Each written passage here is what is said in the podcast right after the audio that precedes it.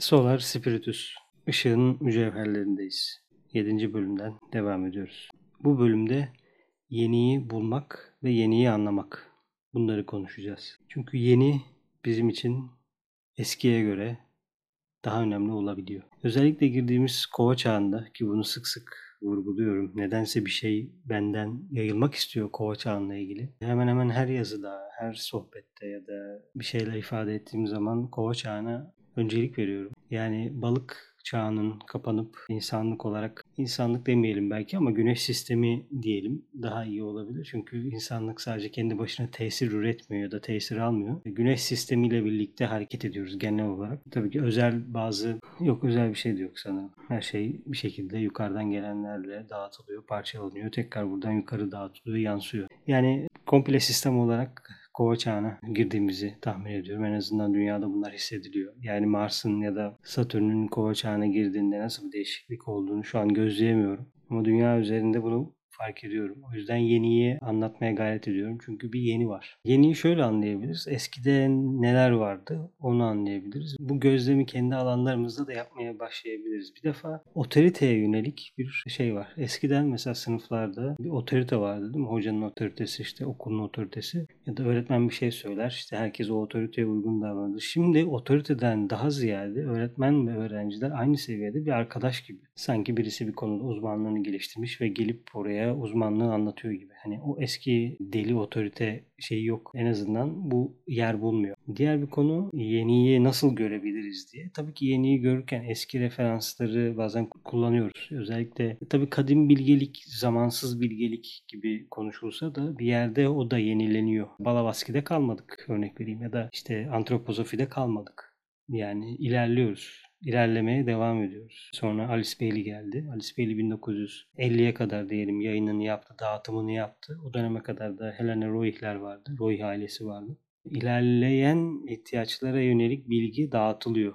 Ama şu anda bilgi yani 1950'den sonraki bilgi daha da gizlenmiş durumda. Çünkü 50'ye kadar dağıtılan şeyler anca sindiriliyor, anca anlaşılıyor. Çünkü bir grup daha ileri, daha yüksek inisiyenin öğrenmesi değildi konu daha fazla insanın yeniyi almasıydı. Çünkü daha fazla insanın şuur alanlarında, astralinde, mentalinde, fizik bedeninde ki gevşemeler, fizik bedeninde ve diğer bedenlerde açığa çıkacak ışıklar dünyayı daha çok aydınlatacaktır. Çünkü diğerlerinin ön yargısı dünyayı daha da karanlık hale getiriyor. Yani biz daha da göreceli olarak tırnak içinde söylüyorum aydınlanmış kişiler bir şehirde yaşasak bile dünyadaki bütün aydınlanmaya yolunda olan kişiler diyelim ya da öğrenciler hepimiz diyelim ki işte 10 milyonluk bir şehirde yaşıyoruz. Yine de o şehir kendi içinde gelişmiş olsa da ya da daha aydınlık, daha güzel iletişimleri kuruyor olsa dünyanın genelindeki dağıtımın sonuçlarını biz de paylaşıyor olduk. Yani bugün geçen gün mesela bir belgesel izledim. Denizlerde ticari, endüstriyel balıkçılığın nasıl zarar verdiğini görüyor. Yani insanın bu doğaya ve özellikle dünya anasına bu kadar zarar vermesi ve onun dağıtımına bu kadar hasar vermesi bizi dolaylı olarak etkileyecektir. Şimdi bazı hassas insanlar bunların acısını zaten hissediyordur eminim. Dolayısıyla 10 bin kişinin ya da 10 milyon kişinin kurtulması bir alanda yaşaması değil, dünya insanlığının genelinin yeniyi alması önemli. Çünkü insanın hedefi en azından Master DK ve Alice Bailey'nin bize söylediği kadarıyla ifade ediyorum. İkinci inisiyasyonu alınması. Yani dünya insanlığı kapanmadan önce ikinci inisiyasyonunu alması hedefleniyor. O yüzden e, Covid ile birlikte gelen fiziksel sınavlar. Hydra'nın ilk üç başı. Ki bunların hepsi zaten e, Scorpio'da oluyor, bitiyor. Yani sınavlarda oluyor işin içinde. Sınavlardan önce de tercih yapman gerekiyor ve doğru ilişkilerde geçmen gerekiyor. Yani Libra. Libra ile Scorpio arasında böyle bir gözlenebilir ilişki var. O yüzden mesela şöyle bir örnek vereyim. Astrolojiyi buraya dahil ediyoruz. Neden dahil ediyoruz? Çünkü onların asıl etkisini anlamadan olaylar kişiselleşebiliyor. Yani dönüp hayatımızdaki her bir sınavda Libra'nın etkisini arayalım demiyorum. Genel olarak karar veren kişi sınava tabi oluyor ve sınavlarda Scorpio'da. Fiziksel seviyenin sınavlarını söyleyelim mesela. Hani bir konfor, fiziksel seviyede cinsellik ve para. Bu üç.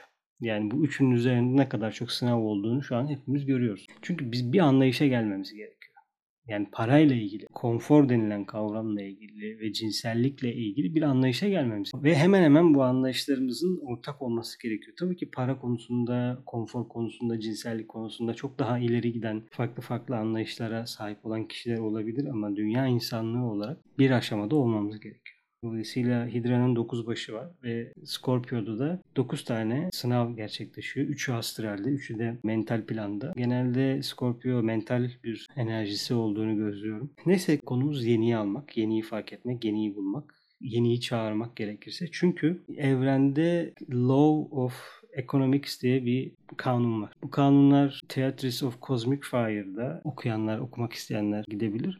Cosmic Fire, Alice Bailey ile Master Deka'nın yazdığı kitap serilerinden bir tanesi. Love of Economics gerçekten de önemli bir kanun. Neden önemli? Çünkü en çok gözleyebildiğimiz şeylerden bir tanesi şöyle. Evren fiziğini birazcık okursak bize diyor ki şu an fizikçiler evrende bir enerji yok. Yani hani evet enerjiler birbirine dönüşüyor ama artı 10 eksi 10 gibi. Yani aslında birleştiğinde ortada bir enerji. Bu ezoterik anlamda bize ne veriyor? Tabii ki bu farklı türlü anlatılıyor Love of Economics'te ama sistem sana yatırım yapıyor. Dolayısıyla senden bir şeyler geri almak istiyor. Çünkü bir bir şekilde borç aldı. Yani artı 10'dan bir borç aldı ve aşağıda aynı şekilde bir eksi 10 daha oluştu gibi. Gidip oraya onu tamamlaman gerekiyor ve kime para yatırırsın? Kaba anlamda konuşuyorum. Bugün mesela bahçecilikle ilgilenenler bilir. Mesela ilginçtir. 10 tane tohum ekersin bir tanesi daha fazla çıkar. Neden? O bir tanesini alırsın, çoğaltırsın. O bir tanesinden sonra alırsın. Mesela arılarda da böyle. Yani bir kovan daha iyi. O kovanı çoğaltıyorsun. Sonra çoğalttığın kovanın içinden daha da çoğaltıyorsun. Şimdi biz insan eliyle ve daha üst realite olarak kendi altımızdaki krallıklarda böyle seçilimler yapıyorsak bu analojiyi yukarısının bize dair yaptığı seçimlerde kullanamaz mıyız? Birisi ne derseniz yapıyor. Başarı gösteriyor. İnisiyasyon yolunda aldığı şeyleri uyguluyor. Yanlışlarını toparlamaya çalışıyor. Kendisini geliştiriyor. Kendisini temiz tutuyor. Şimdi bir öğreti verilmesi gerekiyorsa, bir dağıtım yapılacaksa kimi çağırırsınız? Çağıracağınız kişi mantıklı olarak eğer karmasında ve diğer şeylerde başka bir şey yoksa o öğrenci olacaktır. Tabii ki burada daha başka onlarca kural girebilir ama buradaki ekonomi kuralı sistemin belli bir ekonomik anlayışla ilerlediğini bize gösteriyor. Ekonomiyi lütfen bildiğimiz anlamda finans ya da işte böyle para ekonomisi gibi şeylerle tutmayın. Sadece bir işleyişini anlatıyor. Yani sistem bir şeye yatırım yapıyor. Benim üzerimde yatırım var. Yani hocalarımın benimle ilgilendiler, vakit ayırdılar, sorularıma cevap verdiler, çalışmalarını dahil ettiler, alanın içinde tuttular. Ne demek şimdi? İşte bana yatırım yapıldı demek yani. Çünkü ben oradaki manyetik alandan beslendim. Kendi karanlıklarımı görmemde yardımcı oldular. Aydınlanmama, o anki aydınlanmama tabii ki yoksa nihai bir şu an aydınlandım gibi bir şey mümkün değil tabii ki. Ama o anki konularda mesela o an ne vardı diyelim ki işte çok konuşma, kendini gösterme, göstermeme, değerlilik, değersizlik hisler gibi astral özellik teki ve özellikle de mental kamamanasla ilgili şeyler tabii ki çalışmalar yatırım yaptı. Şimdi o yatırımlar bir süre sonra geri verilmesi gerekiyor. İşte bu yazılar, podcastler de bunlardan bazıları. Aynı şekilde siz de bir süre sonra aldığınız yatırımı yansıtmaya, geri ödemeye başlayacaksınız ama sizin için bu geri ödeme her neyse. Yani podcast yapmak olabilir, yazı yazmak olabilir, meditasyon yapmak olabilir ama insanlığın sorumluluğundan bir tanesi de yardım etmek yoldakilere. Bu çok net. O yüzden yeniyi almaya bağlarsak bu konuyu eğer siz sizin üzerinizdeki yatırımı yeniyle birleştiremezseniz eskiye gidersiniz ve bir süre sonra o yatırımın içindeki miktarlar gitmeye başlar. Çünkü siz aynı şeyleri söylersiniz. Yeniyi görebilmek için kabınızda, alanlarınızda boş yer olması gerekir. Yargılamamak, iyi gözlemek ve genelde sessiz olmak gerekiyor. Yoksa beyin size referans çıkartmaya çok hazır. Yani bir şey geldiği an onun daha ne olduğunu tanımlayıp bir yere koymak istiyor. Bunun olmasına izin verirsek genelde yeni çok gözükmeyecek olacak. Çünkü yeni de geldiğinde apaçık ben yeniyim demeyecek ama birileri bir şeylerin yeni olduğunu keşfediyor, fark ediyor. Mesela bilimde ya da işte bilim sanat arasındaki böyle o geçişteki yenilere bakalım. İlk aklınıza ne geliyor? Bunlardan bir tanesi ses. Şu an Instagram'da ya da Facebook'ta birçok kişi gonglara vuruyor. Kristal yapılan gong benzeri çanaklara vuruyor ya da camlara ya da farklı farklı objelere vurup ses çıkartıyor. Ses bu dönem için keşfedilebilecek şeylerden bir tanesi. Sesin mantrik özelliği, sesin büyüsel özelliği ya da sese bağlı olarak neler yapılabileceği. Çünkü ses çok gizli konulardan bir tanesi. Çok gizli. Yavaş yavaş açılıyor. Sesin formları, ses titreşim arasındaki ilişki, titreşimin parçacıklara neler yaptığı gibi çok önemli bir konu. Geleceğin konularından bir tanesi. Şimdi mesela bazı insanlar bunu yakaladı ama bunu ticari olarak gideyim yakalayayım bir şey oluşturayım gibi değil. Onunla ilgilenmeye başladılar mesela. Ses yapmaya, ses çıkartmaya başladılar. Nereden geldi bu? Şimdi biz kendi kendimize eğer bir arzu oluşturabiliyorsak kendi içimizde o zaman ben evden dışarı çıkmadan bütün arzuları kalbimde oluştururum. Yaradanın arzusunu oluştururum. Peygamberlerin, hiyerarşinin, Şambala'nın, kitapların, üstadların, dünya anasının bütün kadim şeylerle ilgili kalbimde bir arzu oluştururum ve o arzuların da beni yönlendirmesine izin veririm. Ama bu olmuyor. Çünkü biz arzu oluşturamıyoruz. Kişi bir defa bunu çok net bir şekilde görmeli. Arzular bizi yönlendirecek daha büyük etkiler, bizi gruplayacak istekler yukarıdan geliyor. Yukarıya şimdilik yukarısı diyelim geçelim. Nereden geldiğinin bir önemi yok. Ama kesinlikle biz yapamıyoruz. Çünkü biz yapabiliyor olsaydık niye yapamadık o zaman? Niye 7 yıldır gece gündüz Yaradan'ı keşfetmeye uğraşıyorsun da kalbinde anca minik bir pıhtı atıyor. Evet yani böyle bir duygu olabilir. Evet ona doğru gitmek ya da onu keşfetmenin duygusu şu olabilir. Bir bilirlik hali. Yani kendi kendine yapabiliyorsan otur evde ya da dışarıdayken yap. Meditasyondayken yap. Yapamıyoruz. Dolayısıyla müzik çalmaya, ses çıkartmaya başlayan insanların içine bu arzu nereden geliyor? Nasıl çekiliyorlar müziğe, sese? Bu önemli bir konu. Çünkü insanların neye, ne şekilde çekilebildiğini gözlersek ve onların üzerinde çalışan üst güçlere dair bir fikir elde ederiz. İnisiye, okült öğrenci etrafını ezoterik olarak gözlemek zorunda. Yani kişilik seviyesinde ne güzel çalıyor, nasıl bir kadın, nasıl bir erkek demek bir işe yaramaz. Sizin o kişi üzerinde hangi güçler çalışıyor, ne yapıyor, ne ediyor, neden bunu yapıyor gibi nedensellik bağı kurmanız lazım ki yeniyi görün. Bu arada Tibet'te ses kullanılıyor. Ne bileyim çanlar var, işte vajralar var, uzun değişik müzik aletleri var, ses kullanılıyor. Çanlar var, davullar var falan filan. Onlar sesin ne anlama geldiğine dair bilgeliği elinde tutuyorlar. Birçok izlediğimiz videoda öyledir değildir bir şey söyleyemiyorum ama orada bir ses bilgisi olduğu kesin. Ancak bizim hayatımızda bu taraflarda batıda mesela ses bunlardan bir tanesi. Şimdi neyin yeni olduğunu keşfetmek için etrafımızı gözlememiz ve yeniye alan açmamız gerekiyor. Mümkünse bununla ilgili kendi üzerinizde yazın, bakın yeni bir şey gelse şu an ne olur? Mesela bir hikaye var bununla ilgili. Kişi köyden köye dolaşıp o köyde ya da o bölgede yeni olan ne varsa onu almak istiyormuş. Yani gidiyor işte merhaba merhaba işte ben şuradan geliyorum. Sizin buralarda alim kimse var mıdır? İşte oradakiler de akılları döndüğünce ya da işte bildikleri kadar ya işte şurada birisi var biz ona danışırız bir şey olduğunda deyip ona yolluyor. Adam içeri giriyor. İşte yine kendini tanıtıyor. Diyor ki işte ben şu hocadan biraz önceki ya da işte bir gerideki şehirde onun yanındaydım. İşte ondan önce şuradaydım. Şunu aldım. Böyle arıyorum. Ne varsa yeni onu heybeme atıyorum. Buradakiler de sizden bir şey alabileceğim söylediler. O yüzden geldim ama adam 5-6 dakika böyle sürekli konuşuyormuş. O arada da içerideki kişi, hoca olan kişi işte çay demme bir çay içelim demiş. Dolayısıyla bu sürede de adam çayın döküldüğünü fark etmiyor. Sürekli hikaye anlatmaya devam ediyor. Yani yeniyi almaya gelsen bile bir önceki şehirde onu aldım burada bunu aldın gibi. O kadar dolusun ki kabına bir bardak çay bile girmiyor. Çok soyut bir şey tabii ki bu. Yani bardağına bir bardak çay girmiyor ya da yeniyi nasıl görüyorsun diye. O yüzden zihin ya da mental fakülteyi yargı kısmı üzerinde çok çalışmak lazım. Yani kendinizi yargı yapıyorken gördüğünüz her an durdurmanız gerekiyor. İzleyin sadece. Objektif bir şekilde izleyin. Kolay değil objektif bir şekilde izlemek. Ama bunu yapmaya başladıkça yargı oluşturmamaya başlayacaksınız bir süre sonra. Çünkü biz yaşadığımız kültürün koşullandırmasına sahibiz. Diyelim ki askeriyede bir kişi küçük bir yavru kediyle oynuyordu. Haberlere çıktı. Yani Türkiye'deki herhalde %90'ı o askerle ilgili yargı çıkartmıştır. Şimdi yargı demek anında ince ince okların o kişiye doğru fırlatılması demek. Ezoterik bir öğrenci, görünmeyeni keşfetmeye çalışan bir öğrenci olaya bakıp bir duygu çıkartmaması tavsiye ediliyor. Çünkü duygu çok önemli bir ajan bizim için. O ileride kullanılıyor duygu. Duyguları kaptırmamak önemli. Bakın evet burada böyle bir şey olmuş böyle bir şey olmuş bu kadar. Şimdi her şeyin arkasında bir nedensellik var. Biz görsek de görmesek. O kedinin neden orada olduğu ve kendini feda ettiği bir konu. O kişinin kedi üzerinde bu eziyeti yaparak elde ettiği vicdan tatbikatı ayrı bir konu. Eğer bu konuya böyle bakabilirsek yani bir kişi evet vicdan tatbikatı yapıyor ki vicdanı geliştirsin. Şimdi o kişi gidip insan üzerine işkence yapamayacak. Şu an yasak. Hastalık boyutunda bir şeyse gidip yapar mı bilmiyorum. Ama hayvanları kullanmak, hayvanlar üzerinde işkence yapmayı tercih etti ve vicdani olarak bir şey yaşadı. Şimdi bu onu geliştirmiş olabilir. Buna açık kapı bırakmıyorum. Yani vicdanımız gelişsin diye böyle bir şey yapalım ya da herkes gitsin ormanda. Tabii ki böyle bir şey yapmıyorum. Çok hassas insanlar var. Onlar insanların düşüncelerinden bile etkileniyor. Yani kötü bir şey hissettiği an ya da karşı tarafa yönlendirdiği an o bile onun için vicdani bir tatbikat oluyor.